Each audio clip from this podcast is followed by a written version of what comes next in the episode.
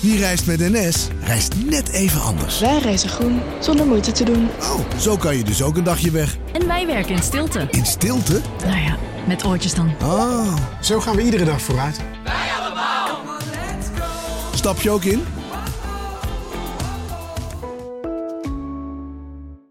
Een maatschappij waarin iedereen meedoet. Een gezonde, groene en rechtvaardige wereld. Daar willen jij en heel veel andere mensen best iets aan bijdragen. In het klein en in het groot. Dicht bij huis en ver weg. Zo hebben we vorig jaar 349 miljoen euro bij elkaar gebracht. Miljoenen waarmee onze goede doelenpartners de wereld elke dag een beetje beter kunnen maken. Nationale Postcode Loterij. Samen voor een betere wereld.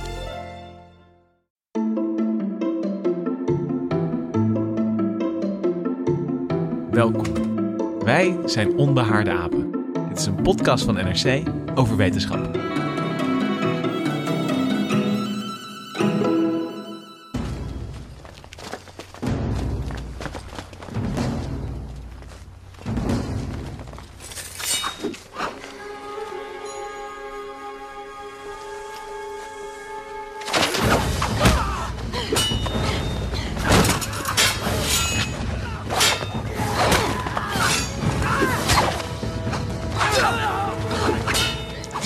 Wapengekletter, hoefgetrappel. We hoorden hier een scène uit de film The Last Legion uit 2007 over de laatste jaren van het West-Romeinse Rijk. En dat is hoe we het einde van het Romeinse Rijk ons graag verbeelden. Met Rome in brand en barbaren aan de poort. Maar dat is niet het hele verhaal. Het ligt eh, misschien wat genuanceerder. En daar gaan we het vandaag over hebben. Mijn naam is Lucas Brouwers. Aan tafel zit ook Hendrik Spiering, Hallo. groot Romeinenliefhebber. Ja, en mediavist, dus ik weet alles van de overgang. Van alles wat er na de Romeinen Ja. moet komen. Ja. En aan tafel zit ook Bart Funnekotter. Hallo Bart. Hallo. Ehm, ja, de goede luisteraar kent jou nog uit de, eh, de eindejaarsaflevering... toen je over Mesopotamisch bier eh, hebt verteld. Klopt. Dat weten we nog goed. Maar eh, de Romeinen mogen ook op jouw persoonlijke belangstelling rekenen, Ja, toch? zeker. Ik heb ook een, een plankje of wat eh, Romeinen thuis in de boekenkast. En Romeinse munten volgens mij. En of mag ik dat niet zeggen? Ja, nee, dat mag, als je lang je adres er niet bij zit, dan weten ze niet waar ze moeten inbreken. Maar inderdaad. Oké, even heel kort. Favoriete Romeinse keizer Hendrik? Augustus. En eh, Bart? Ja, ik wil, ja, dat moet ik natuurlijk ook Augustus zeggen eigenlijk. Eh, Waarom? Ja, nee, maar ik wil ook ik wil, eh, Augustus zeggen omdat ik dat vind. Dus ik zeg Augustus. Die van, dan mij, zijn we gauw klaar. ja, die van mij is Marcus Aurelius. Oh, die is ook leuk. Ja. Ja. Oké, we gaan het vandaag hebben. Ik bedoel, het, het, het gaat zaak worden deze aflevering om het rustig aan te doen met, met eh, al die mannen aan tafel die zo van eh, Romeinen houden. Ehm, dus Bart, kun jij, we, hebben, we gaan het hebben over het einde van het Romeinse Rijk. Ja, dat klopt. En eh, nou kun je je afvragen van, dit is onze eerste aflevering over de Rome- Romeinen. Waarom beginnen we bij het einde? Waarom is dat een belangrijk verhaal? Omdat dat de vraag der vragen is. Eh, waarom eh, stortte het Romeinse Rijk in elkaar? Waarom viel Rome? En dat is een vraag die niet alleen academisch interessant is, maar omdat heel veel mensen de val van het Romeinse Rijk ook projecteren eh, op de tijd waarin ze zelf leven en waarin we leven, is het ook een historische vraag met een zekere actualiteitswaarde. Ik, ik weet van de Amerikanen dat ze zichzelf graag vergelijken met het Romeinse Rijk. En, en dan zich ook afvragen of aan hun hoogtijdagen ook ooit een einde zal komen. Dan, dan wordt er toch altijd teruggeblikt naar Rome. Maar het is eigenlijk eh, een vrij recente kwestie, eh, de val van het Romeinse Rijk. Want in de middeleeuwen dachten ze dat het Romeinse Rijk, eh, zeker het West-Romeinse Rijk, nog steeds bestond. Want je had de, de Duitse keizer, zeggen we nu, maar die heette toen de Romeinse keizer. En eh, je hebt zelfs nog Napoleon gehad, die zich ook helemaal in de stijl van Romeinse keizers liet eh, kronen. En, en dus ook in die tijd begint die twijfel een beetje toe te slaan. En dan wordt het, het is eigenlijk een Britse, eh, Britse gekte om, om heel erg zichzelf te projecteren op de val van het Romeinse Rijk. En doen wij het nog wel goed? En misschien vallen wij ook. En dat komt eigenlijk door, mede door het werk van één historicus, Edward Gibbon. Een van de leukste 18e eeuwse historici. Die een prachtig boek over de decline and fall of the Roman Empire. Zeven dikke delen, er bestaan ook samenvattingen van. En eh, die was totaal geobsedeerd door die val van het Romeinse Rijk. Zelf gaf hij de schuld aan de christenen. Hij begon zijn boek in een soort visioen. Dat hij, eh, was hij in Rome op bezoek. Dat was hij tussen de ruïnes. Met allemaal eh, klimop en eh, van alles en nog wat. En dan zat hij te mijmeren over de grootheid van Rome. En toen hoorde hij achter zich uit een kapel monniken zingen. En toen wist hij het, het is het christendom wat het einde van het Romeinse Rijk heeft betekend. Nou ja, hij zag het bij het christendom, maar dat is misschien wel goed om even bij stil te staan. Dat het eh, nadenken over het einde van het, het Romeinse Rijk, dat heeft dus ook al een lange geschiedenis. Ja, nou, vanuit eh, 300 jaar vinden we dan, eh, Bart en ik natuurlijk niet zo lang. Maar Nee, maar het, het is wel. Ik bedoel, al, al lange tijd denken je mensen hierover na. En, en dus dat, dat denken daarover, dat is Ja. ook de hele tijd veranderd. En, en dat, dat is ook. ja, dan kan, je, dan, kan je, dan kan je heel snel uitleggen hoe dat is. In die tijd werd Rome als toppunt van macht gezien. En denk eens in, in de 18e eeuw was bij wijze van spreken het wegennet en de luxe van de Romeinse tijd. Dat bestond eigenlijk niet eens. Ik bedoel, ze gebruikten... Het is wel iets aan het verbeteren, maar ze gebruikten nog de Romeinse wegen je- op heel veel gebieden. Als je de Britten vraagt, dan zijn ze nog steeds eh, ontevreden over een British Rail, Ja. geloof ik. En, en wij kunnen ook wel klagen over de, de, de spoorwegen. Ja, Maar om het maar even... even, even, kort. Ja? De, eh de Romeinse Rijk is oppermachtig en is gewurgd en verraden en, en vernietigd door binnenvallende stammen. Wat we allemaal nog op de lagere school hebben gehad. Ik denk dat het nog wordt onderwezen bijna. De, de volksverhuizingen. Grote hoeveelheden Germanen met, met, met schuim op de lippen trok de grenzen over en vermoorde een prachtig rijk. En om even in te haken op wat Bart aan het begin zei. Want het zijn moderne politici die het Romeinse Rijk nog steeds erbij halen Ja. bij moderne kwesties. Ja. Onze eigen premier Mark Rutte nog in 2015 Ja. in het, eh, de Financial Times was Ja, het? ik heb Ja. hier het citaat. Dan heeft hij het over de. We moeten wel even de tijd, hè? want we moeten Rutte niet eh, onrecht doen. Het is de tijd dat eh, de Syrische vluchtelingen aan alle kanten Europa binnenkomen. Een miljoen vluchtelingen Duitsland binnen. Heeft hij over de massive influx van refugees. Het is een Engelse krant natuurlijk, Financial Times. En dan zegt hij: we moeten wel goed regelen. We moeten natuurlijk goed beleid opzetten. All we know from the Roman Empire: big empires go down if the borders are not well protected. Ja, dus ze maakte een hele duidelijke koppeling met het, eh, de grensbewaking Ja. destijds van het Romeinse Rijk. Ja, dat past dus nog helemaal in het cliché van het Romeinse Rijk wordt vernietigd omdat ze de grenzen niet goed bewaakten. Daardoor onder de voet gelopen door hordes eh, wilde barbaren. En we hebben ook, eh, want dit zou je nog zeggen, hij haalt er geen terrorisme bij. Hij heeft eigenlijk bijna een technische opmerking. Ja. Je moet de grenzen, ja, wie kan er tegen zijn. Maar in dezelfde tijd, dat is ook de tijd van die gruwelijke aanslagen in Parijs met die honderden doden in de Bataclan en later nog die supermarkt en zo.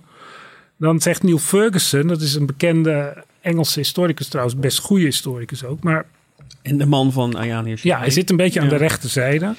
Die, die heeft dan ook een, een, een column in de Boston Globe. En dat wordt in allerlei kranten overgenomen. En dan gaat hij terug op Gibbon. En dan zegt hij Rome 410. Dan plunderen de grote Rome. Daar komen we nog wel op.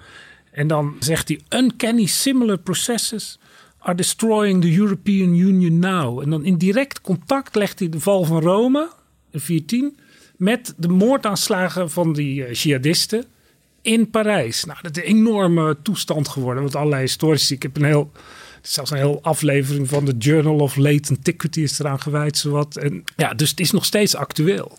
A world without a strong America is a dangerous world. It is, for example, a world, and this is in the near future, by the way, in which the greater Middle East spirals out of control. The United States has been the dominant power in the Middle East since the 1970s. The loss of that dominance would be an open invitation for radical Islamists uh, to uh, unleash and, visual, and, and realize their visions of a new caliphate. Uh, do not underestimate that as a potential threat. Nou, zo gaat het dan natuurlijk door. Dat is een lezing voor de Amerikaanse universiteit. En hij, hij legt direct een verband tussen de Rome en, en wat vroeger werd er dan verband met Britse Empire. Dat bestaat natuurlijk niet meer. Dus nu wordt het dan toegepast op eh, Amerika. Als het gaat over de Romeinen, gaat het vaak over twee dingen. Natuurlijk Caesar, die kent iedereen. Eh, zelf nooit keizer geweest, toch Bart? Nee, nooit keizer geweest, slechts Caesar. Slecht Caesar. Eh, en eh, het, is vaak Caesar en het einde van het Romeinse Rijk. En Adrian Goldsworthy, die daar veel over heeft geschreven, die, eh, die vat het zo samen. But perhaps the most famous thing about the Roman Empire is that it fell. You know, the famous Roman has got to be Julius Caesar. Everybody knows the name Caesar. They have some rough idea. They might think he's a Roman emperor, which, well, he wasn't really technically, but they have some idea. There's immediate recognition. And the other thing that people know about the empire is that it fell. And of course, since Gibbon, if you're from, um, if English is your first language, or if you, you uh, are aware of that, you are likely to think not just of fall, but decline and fall. That phrase, those few words are so deeply embedded in our consciousness that they spring to the tongue of a journalist, politician, anyone commentating on any institution, any country, any individual that's got problems. We readily talk about decline and fall. It's a natural thing. Maar Bart, wij Ja. gaan deze aflevering... Ik bedoel, dit is het beeld van de barbaren aan de poort, zoals ik het aan het begin zei. Eh, dat gaan wij eens even nuanceren. Ja, daar gaan wij kanttekeningen bij zetten. Dat gaan wij in context eh, plaatsen. En dan blijkt dat heel veel niet is wat het lijkt. En soms ook zijn dingen wel zoals ze lijken. Maar blijkt het verhaal toch weer gecompliceerder dan je op het eerste gezicht denkt. We gaan nuanceren. Ja, we gaan nuanceren. En een van de eerste kwesties die we dan misschien eh, even moeten benoemen... en misschien wel uit de weg moeten ruimen... maar Ja. dat laat ik eh, over aan, aan jullie historici. Ik ben maar een, een bioloog in deze natuurlijk. Is, we hoorden aan het begin eh, die, die film... daar worden heel veel kelen in doorgesneden... en, en eh, ribbenkasten eh, eh, beprikt. Ja. En gruwelijke barbaren opgevoerd Ja. met, met, met slijm uit de mond Ja. lopend. Wat klopt ervan? Is Rome gevallen in een soort chaos... in een pandemodium waarbij de tempels in brand stonden? Klopt dat Nou, beeld? er, er is geplunderd. Eh, dat is een feit. Alleen eh, je kan niet concluderen dat omdat er eh, die plunderingen plaatsvonden in 410 en 476 na Christus, dat daardoor het Romeinse Rijk in elkaar zeeg. Die plunderingen van Rome waren meer een, een symptoom van een ziekte, eh, zo je wil. Eh, dus ja, eh, er- er- er er werd gebrandschat en gemoord en geplunderd. Maar dat was eh, niet de oorzaak van de val van het Romeinse Rijk. Nee, dus, dus de plundering van Rome is niet eh, de punt achter de Romeinse geschiedenis, als ik het zo mag zeggen. Nee, ja, ik, ik, Ze zijn zelfs twee keer geplunderd. Ja, want je zegt nou 4, 476. 410 en 476. Nee, 55. 54, dat zijn de vandalen. Ja. En dus Rome was al een tijd wat zwakker en kon zich niet meer verzetten. En die plunderingen van eh, de hoofdstad, die trouwens ook helemaal al lang niet meer belangrijk was. eh, want de keizers woonden helemaal niet meer in Rome. Het centrum van de macht lag al ergens anders. Ja, dat lag, eh, het centrum van de macht lag daar waar de keizer was. En de keizer was meestal niet in Rome. Die was aan het, eh, Het rondtrekken. die was aan het rondtrekken, die was aan het knokken. Of met eh, mensen van buiten het Rijk en vaak ook met concurrenten van binnen het Rijk. Ja, pretendenten die ook Ja. keizer wilden worden. Ja, dus dus die, eh, die plundering van Rome, dat is niet het einde. Nee, dat is niet het einde. Dat is meer, ja, een kerst op de taart is een beetje raar in deze context. Nou, het sloeg in als een bom natuurlijk. Dat eh, de, de grote Rome plunderen in 410. ja.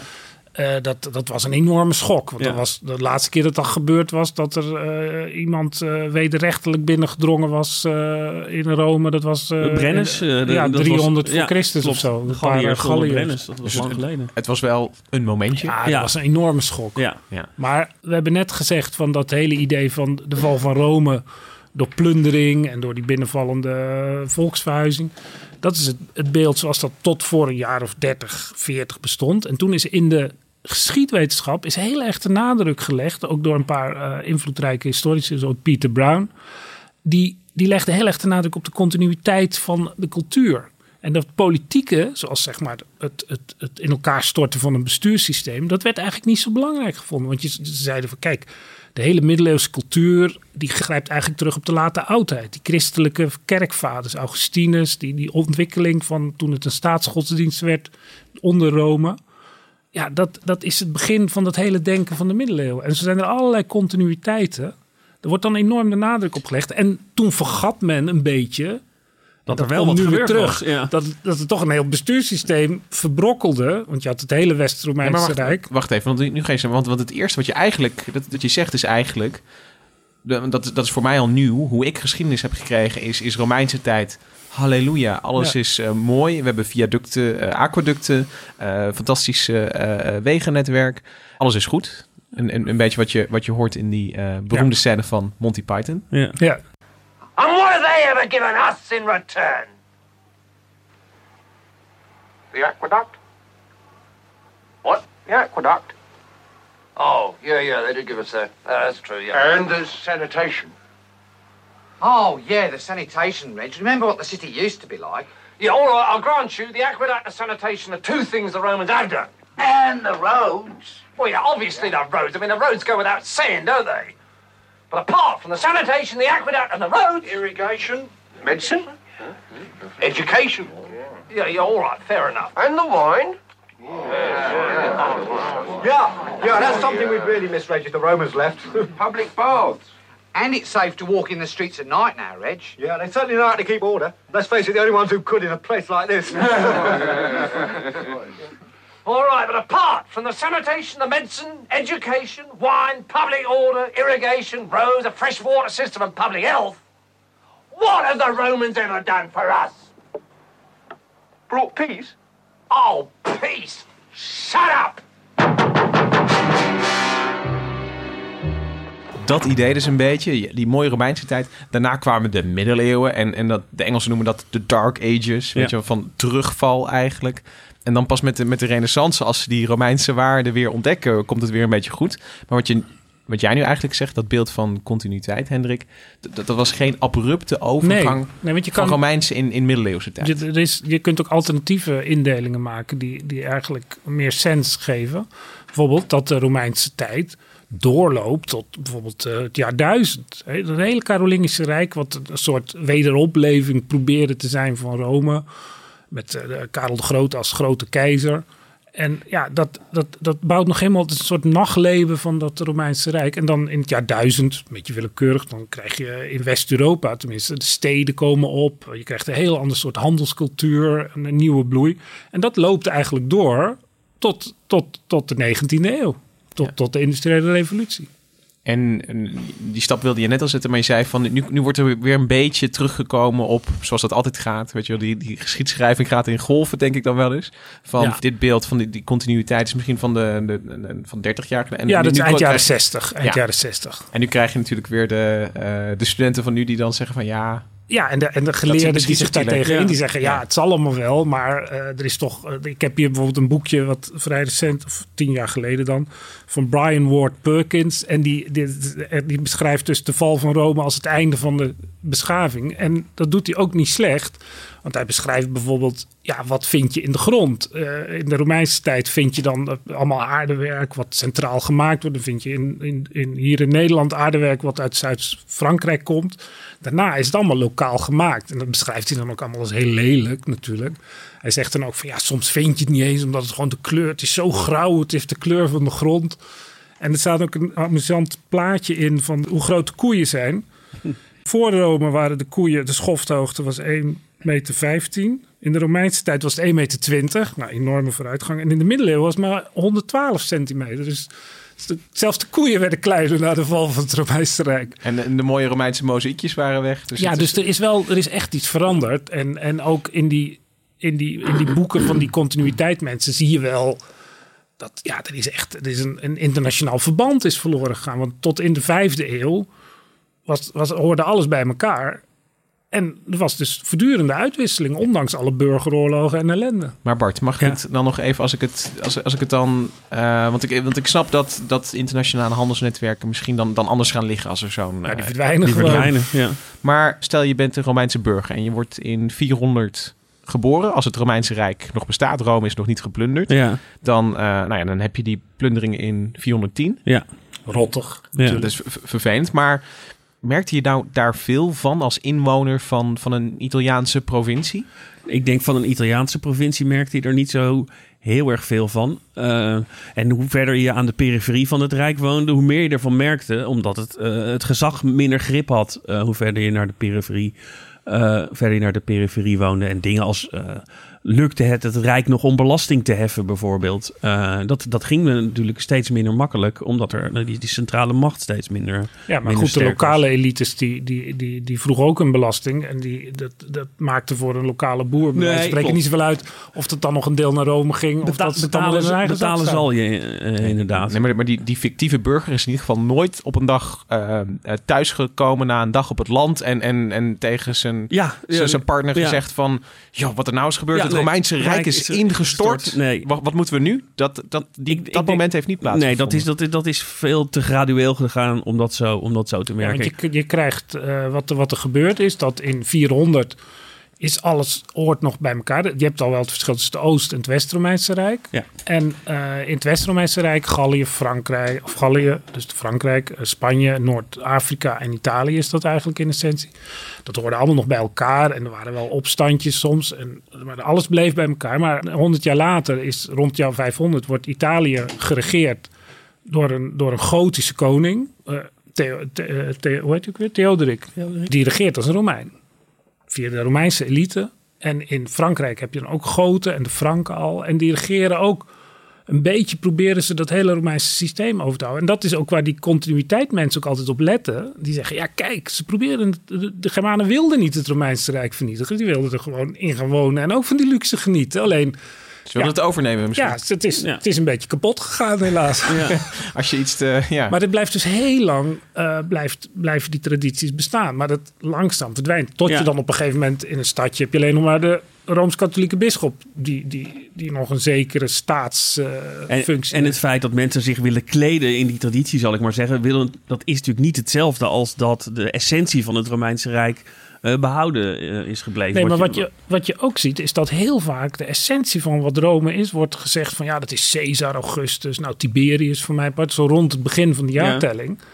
Maar dat is natuurlijk in, in, de, in de tweede, derde eeuw is dat ook al niet meer. Dat, dat evolueert ook al naar een ander soort manier van leven. Nou ja, ik, ik, ik bedoel, ik wil niet te veel parallellen trekken, maar kijk, kijk naar de eerste Amerikaanse president en hoe het presidentschap eigenlijk is veranderd door de, door de eeuwen heen. Ja. Ja, dat lijkt in- niets meer op elkaar. Nee. eh, van de, de- de keizer. De fictie bestaat natuurlijk wel. Dat Ja, het zo Tuurlijk. is. En het ambt en de, en de functie en, en de, de beeldtaal. Het Witte Huis, het, eh, door slaven Ja. gebouwd eind eh, 18e eeuw. Maar goed, dus we kunnen vaststellen van het, het, het Romeinse Rijk is niet in één gezegen op één dag.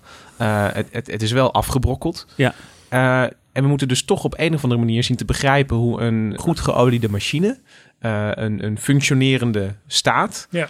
eh, langzaam in elkaar is gestort. Ja. En eh, dat. Eh, we hebben al het christendom kreeg de schuld. ja, die, die hebben we al even gehad. Maar En laten, dat- we, laten we nog een, een paar van dat soort Ja. oorzaken. Ik zal even zeggen waarom het christendom dan die schuld zou krijgen. Dat is omdat volgens Gibbon eh, haalde dat de vechtlust uit de mensen. Is dan, ik zat te denken, is dan Nietzsche zou het helemaal met Gibbon eens zijn ja, geweest. volgens mij heeft hij het daar ook van. Ja, want het is slavenmoraal van eh, die En- Nietzsche zag in het christendom. Tevredenlievend. Dus een slappe hap. Een slappe hap, eh, inderdaad. even, ja. even vertaal. Goed, voordat we nog meer eh, redenen gaan noemen voor waarom het Romeinse Rijk eh, uiteindelijk is verdwenen, is misschien goed om nog eerst eventjes stil te staan eh, bij de Romeinse geschiedenis in vogelvlucht en eh, even de Beginner's Guide to Roman History snel langs te lopen. Bart, jij Ja. zou in één minuut zou jij kunnen samenvatten ik wat er met de. Romeinen is gebeurd Ja. sinds. Eh, de, Rome werd gesticht en was eerst een koninkrijk, werd toen een republiek. Eh, die republiek bezweek uiteindelijk door eh, interne machtsstrubbelingen. In welk jaar zijn we dan, Bart? Rond het jaar nul, om het even makkelijk te houden, was Augustus.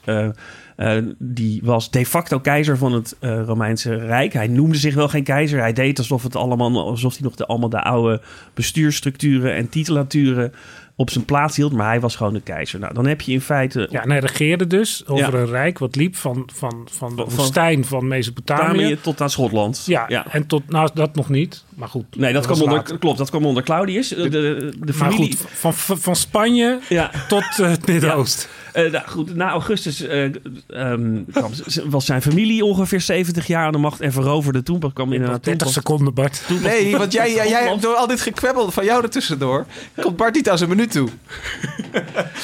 Orde.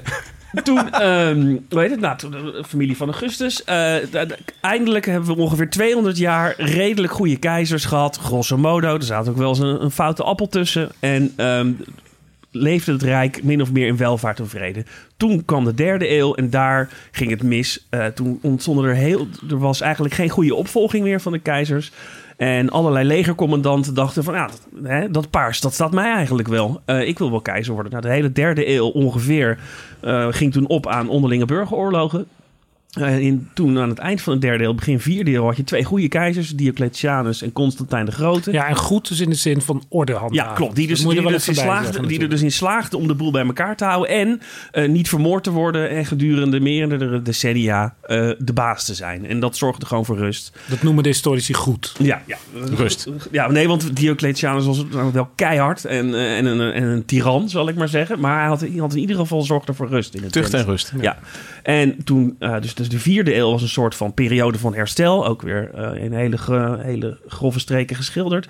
En toen in de vijfde eeuw, toen begon de definitieve neergang die dan zou leiden uiteindelijk tot de diverse uh, plunderingen van Rome en de ineenstorting van het Ja, en dat, af, dat in elkaar zakken, dat, dat kan je gewoon aanwijzen dat dan op een gegeven moment eh, Spanje wordt onafhankelijk. Dan zit er daar gewoon eh, een, een Germaanse stam, die, die grijpt daar de macht. De Vandalen in dit geval, Ja. later de Goten. En die, ja, die trekken zich gewoon niks meer aan van wat eh, de keizer in eh, Rome zegt. Dus dat, dat rijk wordt steeds kleiner.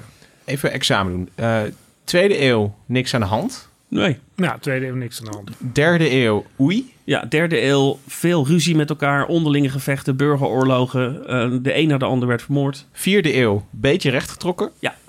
Vijfde eeuw, het stort in. Ja, exit. Oké. En nu gaan we even nog, eh, eh, voordat we ehm, hè, alle, alle, alle volkeren en, en barbaren die, die, die er een rol Ja, in spelen. barbaren, barbaren. Dat is een, eh, dat is een frame eh, van de Romeinen natuurlijk.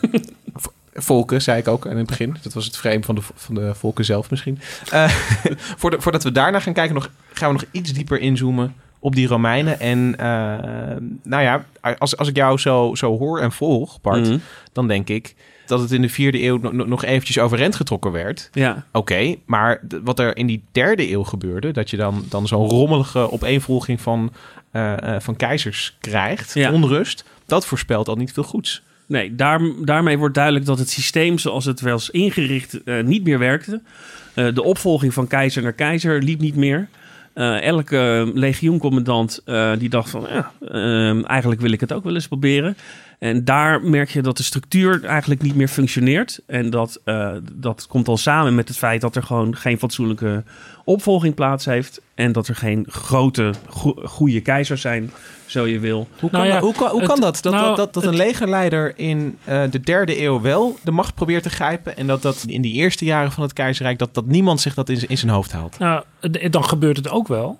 Alleen dan is de organisatie van de staat is anders. De keizers die regeerden nog in feite als de eerste ondergelijke. Het wordt ook het principaat genoemd. De, titel was prinsep, de eerste. En later wordt dan het dominaat. Dan zijn ze dominus. Dan zijn het een soort godkeizers geworden. Want hoe de, eh, maar dat is alleen maar een naam. Wat er in de praktijk gebeurde is dat de keizers in en dan haal ik alles. Dus ik- ik baseer me ook een beetje op een heel goed boek van eh, Adrian Goldsworthy. Die The Fall of the West, The Death of the Roman Superpower heeft geschreven een jaar of tien geleden. En die, die beschrijft dat de keizers in de eerste eeuwen, die bestuurt samen met de elite van Rome. De senatoren, er was een groep van een man of vier, vijfhonderd die in de senaat zit. Ook wel bekend uit allerlei eh, boeken en verhalen. En die hebben formeel geen macht, want de keizer heeft alles voor te zeggen. Maar die adellijke elite van Rome, van die oude families, die leveren de legeraanvoerders, de, de bestuurders van de provinciën. En daar is een zeker machtsevenwicht. En natuurlijk zitten daar ook lui bij die denken, ik wil ook wel keizer worden. Maar vaak zijn dat mensen die de keizer al jaren kent. Dus ze kunnen elkaar een beetje in de gaten houden. En, En er wordt ook wel eens iemand een mes in de rug gestoken En, natuurlijk. en, en vanuit de keizer is het misschien niet heel onhandig dat je een, eh, zoals dat gaat met elites, die, zijn, die, die, die kunnen misschien ook bepaalde dingen, die, die, organiseren een bepaalde opleiding voor zichzelf, kan ik me voorstellen. Ja, er die zit ook een hoop, eh, een hoop slechte eh, lui bij. Want het is natuurlijk allemaal niet, eh, ze komen allemaal niet van, eh, het, is wisselend. Maar het, qua machtsuitoefening zie je dat daar een soort evenwicht is. Dat raakt verstoord aan het einde van de tweede eeuw. Als er, er komen een paar slechte keizers. eh, Caracalla is dat? Nee, die is later. Je hebt eerst Commodus en dan later Septimius Severus. Dat is wel een, een man met, met macht. Maar je ziet dan al dat het leger wordt steeds belangrijker. En de keizer, die vaak zelf aan de macht is gekomen dan, Septimius Severus is aan de macht gekomen omdat hij zijn voorganger vermoord heeft.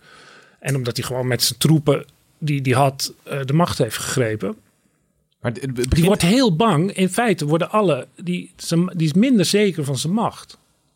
En dan wordt die senatoriële elite, die veegt aan de kant en neemt zijn eigen mensen uit de groep die daaronder zit. De, die worden dan in de Romeinse tijd de ridders of de equites, dat doet er niet zoveel toe. Dat is een veel grotere groep van tienduizenden mensen.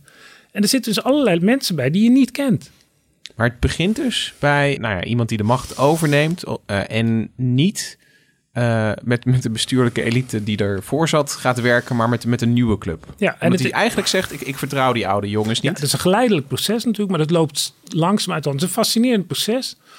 En je kunt je afvragen, hoe hou je dat tegen? En wij hebben het nu de hele tijd over de val van het Romeinse Rijk. Maar als je nu kijkt naar de wereldgeschiedenis, is er geen rijk wat zo lang heeft bestaan als het Romeinse Rijk. Het Romeinse Rijk is ook een van de allergrootste geweest. De hele Middellandse zeegebied. Het was eigenlijk een onneembaar rijk. Zo groot, dat kon je niet veroveren gewoon. Dat is ook dus eigenlijk ook nooit gebeurd. Het is in kleine stukjes uit elkaar gevallen. Nou, en, en ik, ik bedoel, je zit nog in een tijd zonder eh, massacommunicatie. Eh, eh, je, je, je moet het op een een of andere slimme manier inrichten, lijkt me. Het is, in het begin is het eigenlijk heel simpel ingericht. Met een- de, het aantal bestuursambtenaren was heel klein. Ja. En het werd dus heel simpel geregeerd met een handjevol mensen. En het enige wat ze deden, en dat zie je dan bijvoorbeeld bij de Joodse opstand. Als het misging, dan, dan, dan, dan kon het een paar jaar duren. Maar dan, dan roeide ze ook alles uit. Was een meedogenloos rijk. Dus alles gemoedelijk tot het misgaat. En dan gewoon alles erop gooien. En dan eh, met grote troepenmacht eh, de orde herstellen. Maar Bart, krijg je dan een, een situatie dat, dat de keizer zeg, op, op papier belangrijker wordt? Dat die lokale bestuurders minder voor het zeggen hebben? Nee, ik denk dat die, eh, die lokale bestuurders hebben minder voor het zeggen. Maar de paradox is eigenlijk dat vanwege de nieuwe onorthodoxe manier waarop die keizer aan de macht is gekomen, zijn al die andere onbelangrijke mensen die eigenlijk geen aanspraak kunnen maken op de keizerstitel, omdat ze niet bij die 600 belangrijkste families horen, die zijn in potentie nu opeens ook allemaal keizer. Al die duizenden ridders die er al dan niet in slagen om militair carrière te maken, die denken dan, en wacht eens even, als ehm, die dat heeft gedaan op deze manier, dan kan ik mij ook door mijn mannen laten uitroepen tot, eh, tot imperator. En dan zeg ik, mannen, voorwaarts naar Rome, eh, die titel is voor mij. Dus de keizers creëerden een oplossing en daarmee tegelijkertijd een probleem. Ze versnipperden de macht, maar doordat die macht versnipperd was, waren alle traditionele structuren verdwenen. En dat maakte dat iedereen ehm, die eh, ambitie had, eh, er ook voor het keizerschap kon gaan. Een giftige dynamiek, maar wel eentje die tot spannende verhalen kan leiden. Your fame is well deserved, Spaniard. I don't think there's ever been a gladiator to match you. Why doesn't the hero reveal himself and tell us all your real name? You do have a name. My name is Gladiator. How dare you show your back to me? Slave! You will remove your helmet and tell me your name.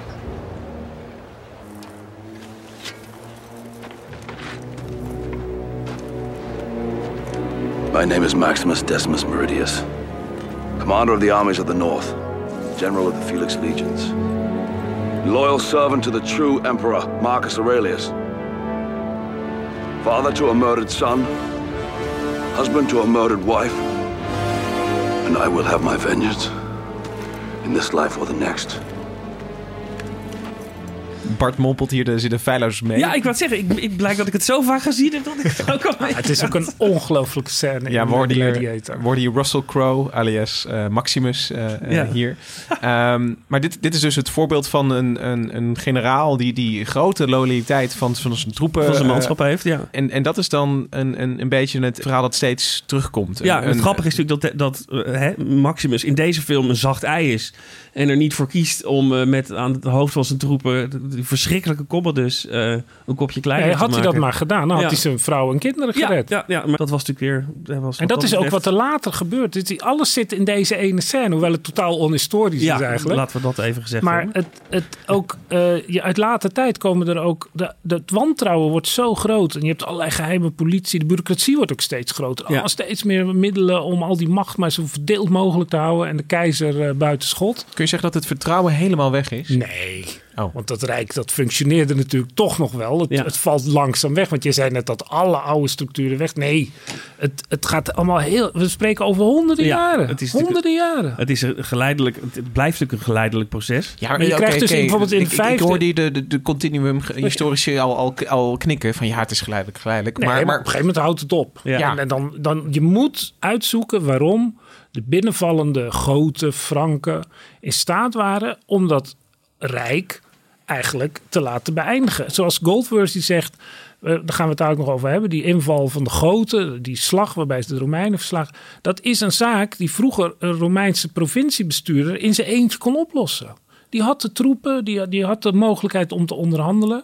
In die tijd is het zo dat dat durft hij niet te doen, omdat hij bang is als hij het verkeerd doet, gaat zijn hoofd eraf. Zo sterk is dat wantrouwen van de keizer. Want dan denkt de keizer, oh, hij wil zeker keizer worden in plaats van mij. Dat, als hij zo'n grote mond heeft, dat hij zelf met die grote gaat onderhandelen. Maar ik zei net, het vertrouwen is dus een beetje weg. Toen zei je nee, nee, nee. Maar dit klinkt toch niet als een Ja. situatie met waarin eh, eh, de, Nee, de maar- verschillende bestuurslagen eh, vertrouwen hebben in elkaars kunnen en kunde. Nee, maar het is heel moeilijk voor te stellen dat er helemaal geen vertrouwen meer is. Nee, is niet ik- iedereen tegen iedereen Nee, maar nie- niemand wilde de sukkel zijn die uiteindelijk niet doortrapt genoeg blijkt te zijn en vervolgens vermoord eh, wordt. Dus je moet altijd achter, een beetje achterdochtig zijn Ja. ten opzichte van je, je, je- En wat dan je ook, collega's. wat- stel dat, stel dat je doet iets als, als, als, als Romeins provinciebestuurder. En dat valt totaal verkeerd bij de geheime agenten van de keizer. Er wordt helemaal verkeerd uitgelegd. En je bent de dupe. Dat betekent in het Romeinse systeem, waarin de persoonlijke verhoudingen heel belangrijk zijn, dat iedereen die jij eh, als machtige man ergens op een plek hebt gezet, ook ineens verdacht is. Dus als ik dan ergens in, in Gallië eh, een fout doe en een mes in mijn rug krijg van, eh, dus van de Romeinse keizer, eh, de mensen die hem steunen. En dan, dan is er misschien een vriend van mij in Spanje, die is ook ineens verdacht. Die wordt ook gelijk voor het gerecht gesleept of gelijk vermoord. En zo gaat dat, als een, als een, dat, dat leidt dus wel tot heel weinig vertrouwen. Dat wil ik dan nog wel toegeven. Ik wou net zeggen, ik, ik, ik, ik, ik, ik schrijf het nog steeds een beetje Ja. weg onder, onder het, het, Ja. het vertrouwen en... en eh, Iedereen had zijn eigen kliek. En als het de, de kop van de kliek eraf ging, dan liep de hele, iedereen binnen die kliek liep, liep ook gevaar. Dus en het verschil in de vroege Rijk had je ook allemaal van die klieks die elkaar eh, bestreden. En in de tijd van Augustus leidde tot gruwelijke burgeroorlogen. En dat is, dat is een paar honderd jaar gestabiliseerd geraakt. Ja. Nou, En is- daarna valt het weer uit elkaar. Dus we hebben nu, ehm, hè, om, om het toch even in, in... We gingen kijken naar problemen van het Romeinse Rijk. En we, we hebben deze er nu even uitgetild. Ik bedoel, we, we kunnen nog eh, veel verder. En ik bedoel, hier kunnen we nog een uur over doorpraten. Maar je zei het iets heel belangrijks. Eh, we moeten toch ook even naar buiten kijken. Naar, eh, naar de, dus, dus intern in het Romeinse Rijk zit, zit wat rot in Ja. het Ja. vertrouwen en, en het, en het bestuurseffectiviteit. En de slagkracht, kan je eigenlijk zeggen. De slagkracht. Slagkracht.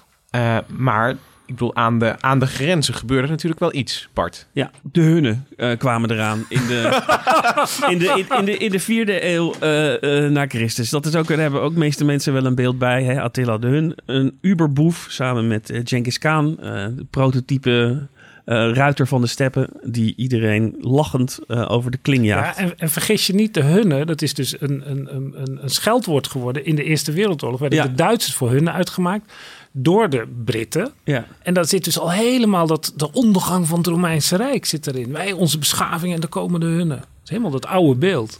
Ja, maar ze kwamen wel in Ja, de vierde eeuw. De hunnen, de hunnen komen eraan van de Enter- Aziatische... enter de hunnen. Ja, eh, Ja. van de Aziatische steppen. En die beginnen, eh, de, de volkeren, die ik dan geen barbaren zal noemen... maar die dus in het eh, noorden... Stammen? Stammen, inderdaad, van, van Europa wonen... beginnen ze een beetje eh, in, de rug, in de rug te duwen. Klassiek geval van plundering en, en moord en opduwen en incorporatie. Hè, dus eh, wat, wat Genghis Khan later ook deed. Eh, Of je gaat ons helpen om de volgende volk te plunderen... of je hoofd gaat eraf. Maar goed, je, je, je hebt dan een, een, eh, een, groep waarbij dat bijzonder goed gaat. De hunnen, de- waar, Ja. ik bedoel alleen de naam, dan, dan zie je. Dan weet je het al. Dan En- zittert iedereen. En er was al tijdenlang sprake van grensverkeer, zal ik maar zeggen. Vanuit het Romeinse Rijk eh, werd gehandeld met mensen die ten noorden van de Donau en de Rijn woonden. Er was sprake van bekering tot het christendom. Dus het, het- en eh, er waren mensen die ten noorden van de Donau en de Rijn woonden. En die in het Romeinse leger kwamen dienen. Dus die grens die was al open. dat, was was geen, soort- dat was geen muur. Dus was het geen- overgangsgebied Ja, klopt. Het was niet het ijzeren gordijn. En het was dus ook even heel duidelijk geen staat van permanente oorlog. Dat, dat Nee, het nee, binnen de grenzen veilig was en daarbuiten en wat- het Wilde Westen. Mag ik dan even zeggen wat een van de grote dingen van het Romeinse Rijk is? Dat is dus dat ze dat plunderen, wat zeg maar buiten het Romeinse Rijk, die volkeren die elkaar voortdurend elkaar koeien stelen, zeg maar, dat werd in het Romeinse Rijk bestreden door de legioenen. Dat kon eigenlijk niet. En het enige wat er dus van buiten kwamen dan van die plundertochten, en die sloegen ze dan vaak terug. En dat Ja. werd dan een veldslag genoemd. Maar dat was niet een veroveringstocht, maar dat dan gewoon een Strafexpeditie. ja, Ja, een- een- een 500 ma- eh, Germaanse jongens die, eh, eh, Aan de koeien hadden. die, Ja. die koeien wilden stelen, zeg maar. Ja. Er komen dus in 176 na Christus. Dan eh, is er dus een volk wat we dan maar de Goten eh, noemen. Dat is ook helemaal geen homogeen geheel. Dat zijn verschillende stammen, maar vooruit die noemen we voor het gemak even de Goten. En die melden zich aan de Donau. eh, met de, de hunnen in de rug. En, en, en, en de die- hunnen, dus niet de hunnen, hunnen, maar andere Ja. hunnen. en die kloppen aan en die zeggen: Keizer van het Oost-Romeinse Rijk, want daar hebben we het over. Valens, mogen we naar binnen? Eh, want we vrezen voor ons leven. We zijn vluchtelingen. Nou, Valens zelf eh, die bevindt zich in de buurt van Perzië. Die was eh, bezig om daar een veldtocht op poten te zetten. Dus het duurde even voordat alle brieven heen en weer waren gegaan.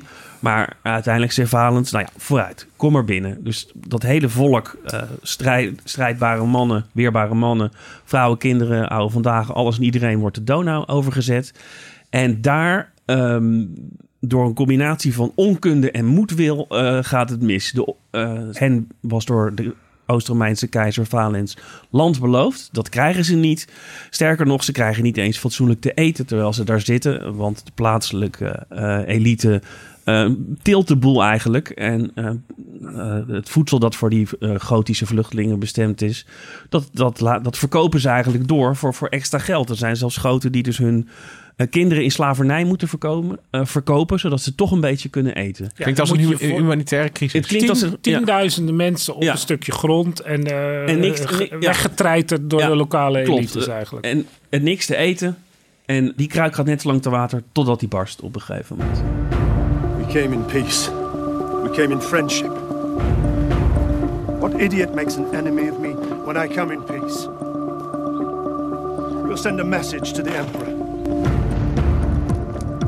We hoorden hier een fragment uit eh, Ja. een, een historische documentaire van eh, de History Channel. Ja, en dit is in, eh, in eh vloeiend Engels was dit Friedrich Gern. Eh, de, eh, de leider van deze samengestelde groep goten. Friedrich Gern. Friedrich Gern heette hij. En hij was, we zeggen nu gewoon Frederik. denk ik. maar hij was, dat was een christen. die had ook al lang contact gehad met de Romeinen in zijn tijd. Hij voelt zich genaaid eigenlijk. Ja, hij voelt zich echt, hij voelt zich, hij voelde zich gepakt. Want hem was land beloofd. Hij wilde, en hij wilde gewoon in feite de, de, de hand aan de ploeg slaan. En gewoon lekker aan het werk. En, en, de, weerba- en- de- de- de weerbare mannen zouden in het legioen gaan dienen. precies. Want zo Eh, werkte het ook bij de Romeinen. Het was helemaal niet zo dat, dat, dat het legioen bestond voor een belangrijk deel uit, uit, Voor uit- een- waar, voor- alle- waar ze iedereen waar ja, ze klopt. vandaan kwamen. Lang niet meer uit, nee, maar al lang niet meer uit, uit Italianen alleen, zal ik maar zeggen. Absoluut niet. Nou, dus de, de goten die zijn het zat. Die worden net zo lang getreiterd en die hebben gewoon, kunnen letterlijk niet meer in leven blijven. Ja, en dan eh, pakken ze dus het zwaard en eh, gaan ze daar aan het plunderen in het gebied wat, we nu, wat je nu Bulgarije zou, eh, zou kunnen noemen. En dat noopt keizer Valens ertoe om zijn veldtocht in, in Perzië even in de ijskast te zetten. Terug te keren naar het Europe zijn Europese gebiedsdelen. Om daar zich te weer te stellen tegen deze teleurgestelde en inmiddels zeer agressieve goten. En, en, en lukt dat? Ik bedoel, wordt de, wordt de opstand eh, de kop ingedrukt en, en, en gaat het verder? Of, eh, Nee, dit, was, dit eh, leidt tot een spectaculaire mislukking. Ja, even, Eh, even de grootste softs uit de Romeinse ja, geschiedenis. nee, het- de, slag bij Adrianopel eh, in 378 eh, na, na Christus. En Valens had een leger van ongeveer 10.000 à 15.000 man bij elkaar gebracht. Dat is ook niet, dat is ook niet eens zoveel als je, begeleid, als je bedenkt met wat voor enorme legers er in de late republiek en de vroege keizertijd eh, werd gevochten. En Valens die stelde zich op tegenover Fritigern en er werd nog een beetje onderhandeld. En die had ook zoiets. Die had iets meer mensen, denk ik. Ja, die had wel iets meer mensen. Dat was ook niet helemaal duidelijk. Want die stonden in zo'n kraal met al hun wagens. Dus het was ook niet helemaal... De, de, de- Valens had niet het hele goede overzicht. Typisch een barbaren dingetje, zo'n Ja, kraal. en er was... Ho, ho, ho, ho, ho. En de, de Frietigern stuurde nog een, een, een gezant van... Hey, kunnen we toch niet, eh, kunnen we toch niet eh, vrede? Nou, ze Valens, ik denk er nog even over. En op een of andere manier brak er toen toch een gevecht uit. Iedereen stond ook al de hele dag tegenover elkaar... eh, strijdkreten te slaken en op, en op de schilden te slaan. Nou, er breekt een gevecht uit en het loopt helemaal mis. De Romeinen worden eh falikant in de pan gehakt. En Valens die, als we de historici eh, die erover hebben geschreven mogen geloven, eh O-benen had, een buikje en één oog. Die overleefde deze veldslag. Dat was ook nauwelijks denkbaar met deze fysiek. Die overleefde deze veldslag niet. En het Rome- Oost-Romeinse Rijk verloor dus in één dag ongeveer 10.000 eh, goed getrainde eh, soldaten. En de, de groten waren overwinnaars. En als ik nu En woedend. En, ja, en, nog steeds, en nog steeds boos inderdaad. En als ik goed naar jullie geluisterd eh, heb, was, was dit, ehm, is, is dit een beetje een crisis die eh, heel makkelijk vermeden had kunnen worden. Dus je kunt je heel makkelijk een, een Romeins Rijk van 200 jaar eerder voorstellen waarin dit nooit zo ver gekomen was. En als het zo ver gekomen was, dat ze in ieder geval niet Nou, eh, eh, zichzelf nee, want er wordt ook wel- Het stomme, is ook, het stomme is ook dat uiteindelijk in de jaren daarna krijgen de groten alsnog een zin. Ze krijgen een, een stukje land. Eh, eh, de, de, de weerbare ma- mannen van weerbare leeftijd gaan dienen in het leger. Want wat, wat Hendrik al zei, het Romeinse Rijk was niet te veroveren, niet te Nee, en verslaan. het is ook niet een etnisch rijk. Dat wordt ook Nee. vaak vergeten. Het was een, dat, dat is echt een heel. We kunnen nog een hele aflevering over Ja, dat- hoe uniek dat het Romeinse Rijk eigenlijk was. Dat heb ik al wel Ja. door. Het, het, iedereen, iedereen was welkom eigenlijk. Ja, klopt. Het ging om, iedereen, iedereen kon erbij horen. Maar ik vind dit ook, als je de details van dit soort veldslagen bekijkt, dan trek je de haren uit je hoofd. Want de, de duizenden mensen gaan dood. En het had totaal anders kunnen lopen. Ja, klopt. Maar even de, een gedachte-experiment. Als we terug in de tijd zouden kunnen gaan... en je kunt eh eh, Valens even terzijde nemen en zeggen van... dit gaat helemaal eh, Wacht mist. even. Wacht Ja. even. Wacht nou gewoon. Ja. Of, of, of geef ze nou wat land. Ja. Eh, Ja. eh, eh, Ja, maar Valens was daar, was daar ook toe bereid. Eh, de- men is natuurlijk een oorlog ingeblunderd. Eerst door wat ik zeg, een combinatie van eh, moedwil en, en, en onvermogen.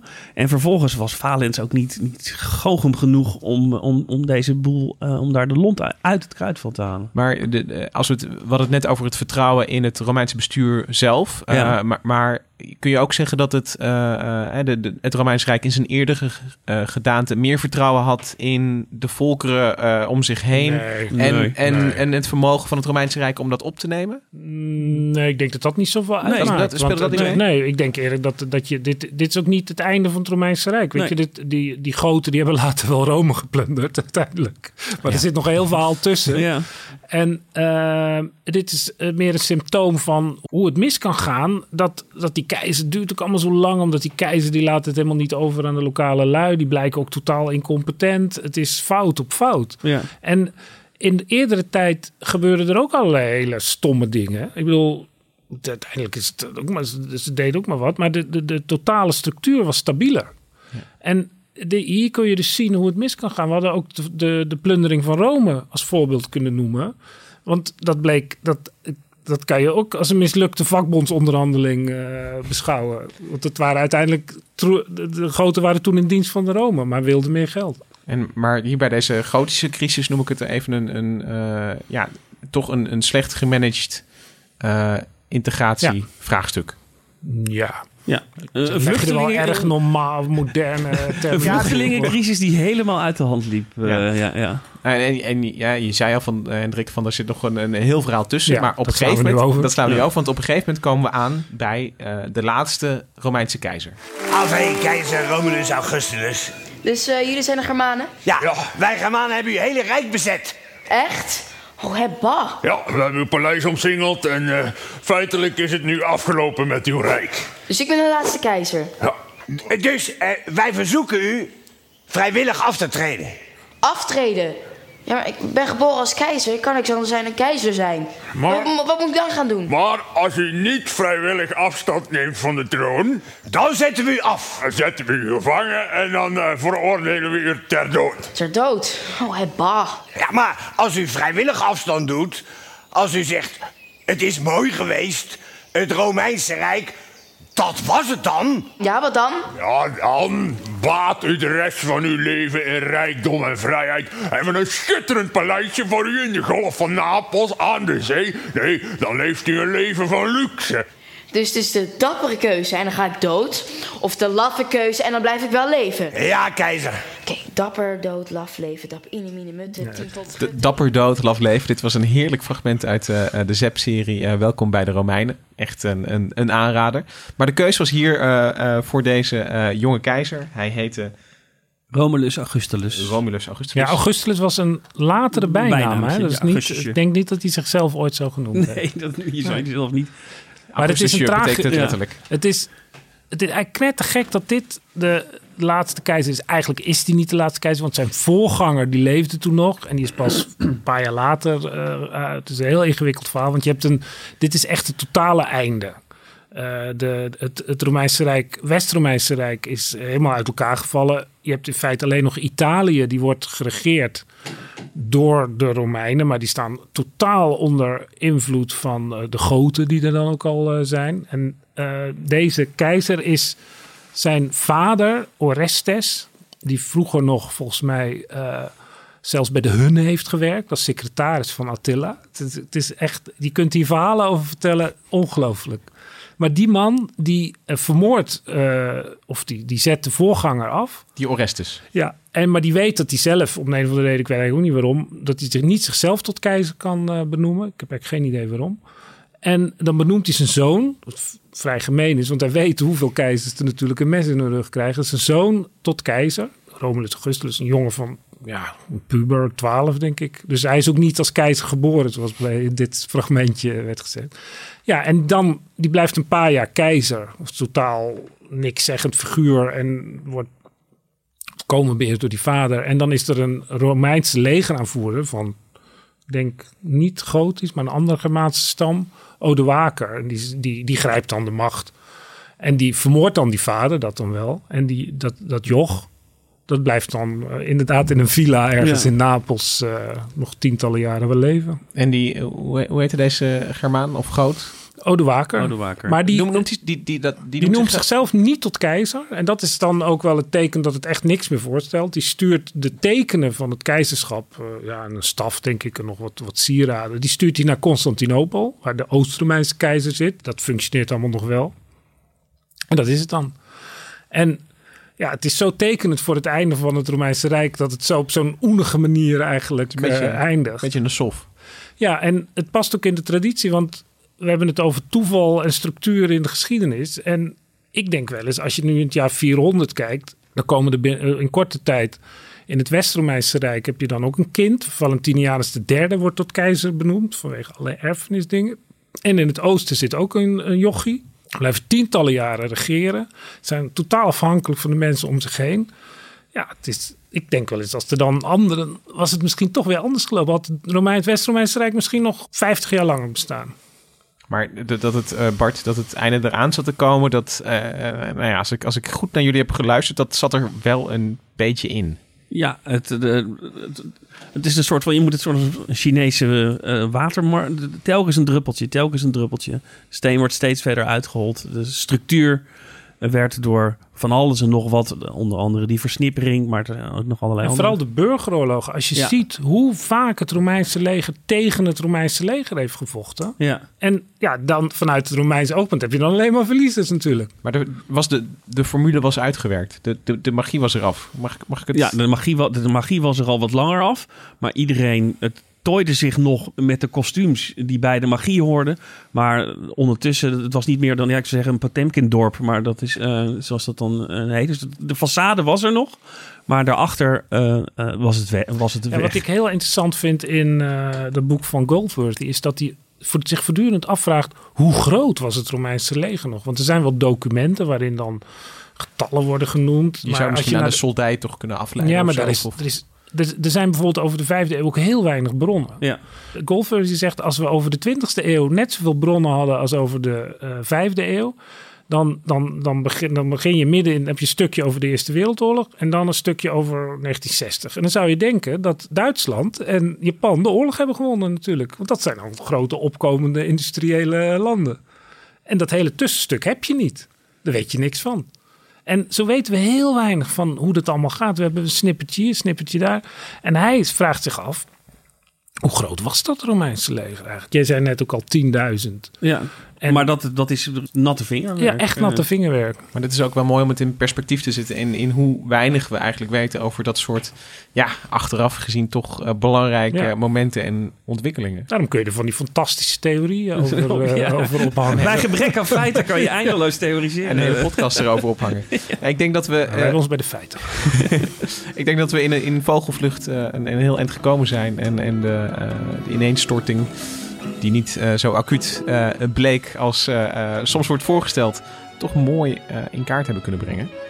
Daarmee zijn we in ieder geval aan het einde gekomen wat betreft de Romeinen. Maar we hebben nog iets recht te zetten van vorige week, Hendrik. En, ja, want ik had iets gezegd ja, over iets dode gezegd. mensen die niet door katten werden opgegeten als ze in een huis lagen. Ik heb het nog even teruggeluisterd en je hoort nou eens nooit over katten die hun baasje hebben opgegeten als het baasje is overleden. Het was mijn ultieme poging om de kat te beschermen tegen de honden, toch? Om Ja, de- zeker. De reputatie nog een beetje te redden. Ja, en eh, we kregen een eh, mail van eh, Danny daarop. En, en die heeft een forensisch patholoog anatoom als vriend. En die had wat papers gevonden waarin, jawel, ook de katten de hand slaan aan hun overleden baasje. En eh, de, de literatuur is... Ik, ik heb er één avondje aan besteed en ik heb er niet zo goed van geslapen. Want die, die artikelen van die, van die pathologen, die, die, ze, ze schamen zich voor niks. En ik snap het ook wel, je moet het ook allemaal laten zien en zo. Eh, ik kwam erachter dat eh, lippen... eh, neus en oren zijn eh, favoriete eh, de- delen van het lichaam om aan te beginnen als, het, als je een hond of kat bent.